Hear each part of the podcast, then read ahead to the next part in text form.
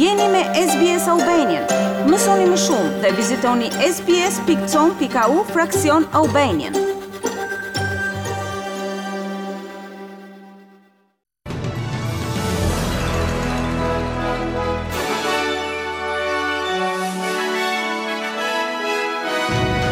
Në buletinin e sotëm informativ do të ndiqni. Ishulli në liqenin Burley Griffin të Kanberrës është riemëruar për nder të mbretëreshës Elizabeth. Udhëheqësi afrikan bën thirrje për heqjen e sanksioneve ndaj grurit rus. Dhe në sport, Rafael Nadal kalon në finalen e French Open për herë të 14, pasi Zverev u tërhoq nga loja me dëmtim në kyçin e këmbës. Dhe vazhdojmë më gjerësisht me lajmet. Një ishull në liqenin Burley Griffin të Kanberrës është riemëruar për nder të mbretëreshës me rastin e festimeve të jubileut platin të saj. Ishulli Aspen, tani do të njihet si Ishulli i Mbretëreshës Elizabeth, dhe kjo u njoftua në një ceremoni ku morën pjesë kryeministri dhe Komisioneri i Lartë i Mbretërisë së Bashkuar. Mbretëresha e ka vizituar Australinë gjashtëmbëdhjetë herë gjatë mbretërimit të saj shtatëdhjetë vjeçar, por për arsye shëndetësore nuk mund të ndërmarrë më udhëtime të gjata. Anthony Albanese drejtoi ceremoninë në kryeqytetin australian. For seven remarkable decades Her Majesty has been the embodiment of grace, fidelity and dignity and Australia Për shtatë dekada të jashtëzakonshme, Madhëria e saj ka qenë një mishërim i hirit, besnikërisë dhe dinjitetit. Ajo, për shumicën prej nesh, është e vetmja mbretëreshë që ne kemi njohur dhe e vetmja që ka vizituar kombin tonë, Australinë. Ndërsa pushtimi rus i Ukrainës arrin në ditën e njëqind të tij, autoritetet perëndimore po i bëjnë jehonë thirrjes së zyrtarëve ukrainas se një ditë do ta fitojnë luftën. Ambasadorja e Ukrainës në Organizatën e Kombeve të Bashkuara, Yevheniia Filipenko, thotë se forcat ukrainase mbeten të motivuara intensivisht për të mbrojtur atdheun e tyre dhe përsëriti thirrjet për më shumë armë nga Perëndimi. Sipas Organizatës së Kombeve të Bashkuara, deri më tash, si pasojë e luftës ka patur mbi katër mijë vdekje dhe mbi pesë mijë të plagosur, duke përfshirë dyqind e dyzet e dy fëmijë të vrarë. Por numri i vërtetë besohet të jetë shumë më i lartë. Zonja Filipenko thotë se njëqind ditët e fundit kanë qenë ato të shkatërrimit, të vuajtjes së papërshkrueshme të ukrainasve të pafajshëm. Uh, when I think about these 100 days, I have the faces of children who have lost their parents, who have lost their homes. Nuk bëhet fjalë për numrat, por për njerëzit. Kur mendoj për këto 100 ditë, kam fytyrat e fëmijëve që kanë humbur prindërit, që kanë humbur shtëpinë, shoh fytyrat e nënave të tyre që u detyruan të lënë shtëpitë e tyre nga sulmet e Rusisë, shoh shprehjen e vuajtjes në fytyrën e çdo ukrainasi, ka thënë zonja Filipenko. Kryetari i Bashkimit Afrikan dhe presidenti senegalez Macky Sall po bën thirrje për heqjen e sanksioneve kundër grurit rus. Rusia dhe Ukraina përbëjnë gati një të tretën e furnizimeve globale të grurit, ndërsa Rusia është gjithashtu një eksportues kryesor global i fertilizuesve kimikë, ndërsa Ukraina është eksportuesja kryesore e misrit dhe vajit të lulediellit. Pasi foli me presidentin rus Vladimir Putin, Sall thotë se Kremlini e kishte siguruar atë se ishte gati të mundësonte eksportin e grurit ukrainas. Kjo thirrje e presidentit senegalez Sall vjen në mes të një krize globale ushqimore të shkaktuar nga lufta, për të cilën Sall thotë se po godet veçantërisht Afrikën.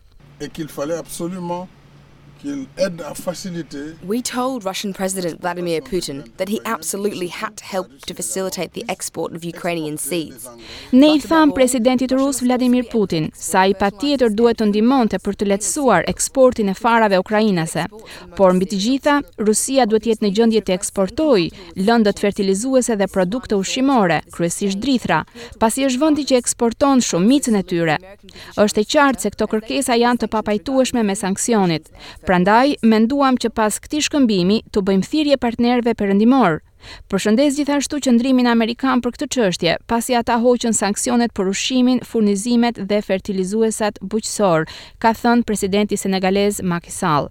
Putini u ka thënë mediave shtetërore ruse se Ukraina mund të eksportojë grurë nga portet, përfshirë Odesën, nëse i pastron ato nga minat. Një muze i artit modern në Republikën Çeke po shfaq një instalacion special në 33 vjetorin e protestave të sheshit Tiananmen. Bëhet fjalë për statujën famkeqe të shtyllës së turpit për të përkujtuar ditën kur zyrtarët ushtarakë kinezë goditën protestuesit pro-demokratë në sheshin Tiananmen të Pekinit në vitin 1989.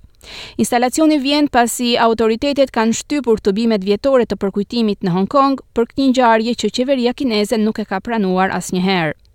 Jens Galschiot është artisti krijues i instalacionit në Muzeun Çek. This is to show in a way Hong Kong spirit. Ky instalacion uh, do të tregojë në një farë mënyre shpirtin e Hong Kongut, Pra, ndërsa Hong Kongut iu ndalua të përkujtonte çfarë ndodhi në Kinë dhe në Hong Kong, atëherë po e rikujtojmë ne nëpërmjet krijimit të kësaj ekspozite. Dhe unë jam pjesë e saj.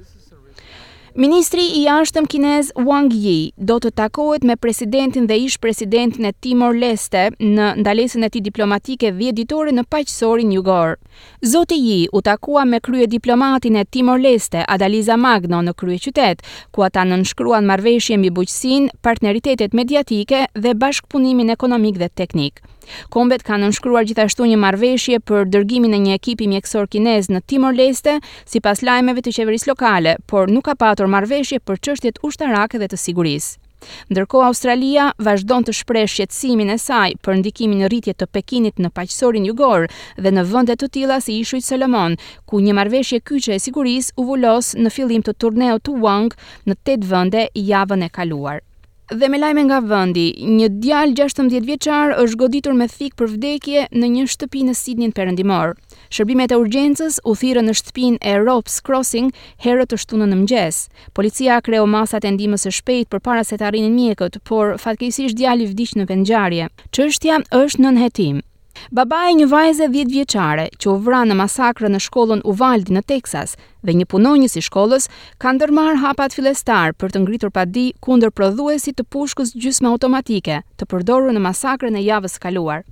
Avokatët e zotit Alfred Garzas, babai i studentes së shkollës fillore Robb Amerie Jo Garza, kanë kërkuar në një letër që Daniel Defense t'u japë informacione rreth marketingut të kësaj arme për adoleshentët dhe fëmijët. Një inxhiniere elektrike 26 vjeçare do të bëhet gruaja e parë meksikane në hapësirë, kur ajo t'i bashkohet ekuipazhit ndërkombëtar për një fluturim 10 minutash të nisur nga Blue Origin i miliarderit Jeff Bezos. Katya Echazarreta është pasagjerja e parë e sponsorizuar nga organizata jofitimprurëse Hapësira për Njerëzimin dhe do të bëhet gruaja më e re që fluturon në hapësirë. Një tjetër anëtar i ekuipazhit është inxhinieri Victor Correa Hespanha, braziliani i dytë që do të fluturojë në hapësirë. Zonja Echazarreta thotë se demografia aktuale e atyre që kanë shkuar në hapësirë nuk përfaqëson popullsinë e planetit. I want a little Mexican girl Dua që një vajzë e vogël meksikane t'u thotë prindërve të saj, dëshiroj të shkoj në hapësirë dhe reagimi i tyre të mos jetë sikur kjo nuk ka ndodhur kurrë, por përkundrazi, të tjerë para teje e kanë arritur dhe mund të arrish edhe ti nëse e dëshiron.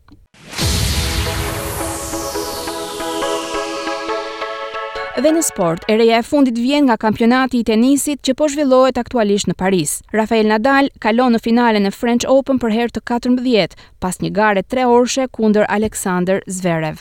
Njëzet e pesë vjeçari Zverev, i cili po garonte për titullin e tij të parë të Grand Slam-it, u detyrua të tërhiqej nga loja pasi ndrydhi kyçin e këmbës së djathtë në pikën e fundit të ndeshjes së dymbëdhjetë të setit të dytë. Nadal thotë se është i zhgënjyer që ndeshja duhet të përfundonte me lëndim për Zverevin. Sinqerisht, jam shumë i trishtuar për të. Ai po luante një turne të pabesueshëm. E di sa shumë po lufton për të fituar një Grand Slam, por për momentin nuk i eci fati dhe e vetmja gjë për të cilën jam i sigurt është se ai do të fitojë shumë më tepër se një Grand Slam. Kështu që i uroj gjithë të mirat dhe një shërim shumë të shpejtë, ka thënë Nadal.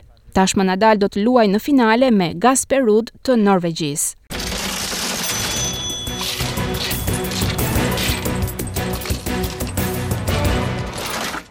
Do të kalojmë tani në kursin e këmbimit të valutës australiane.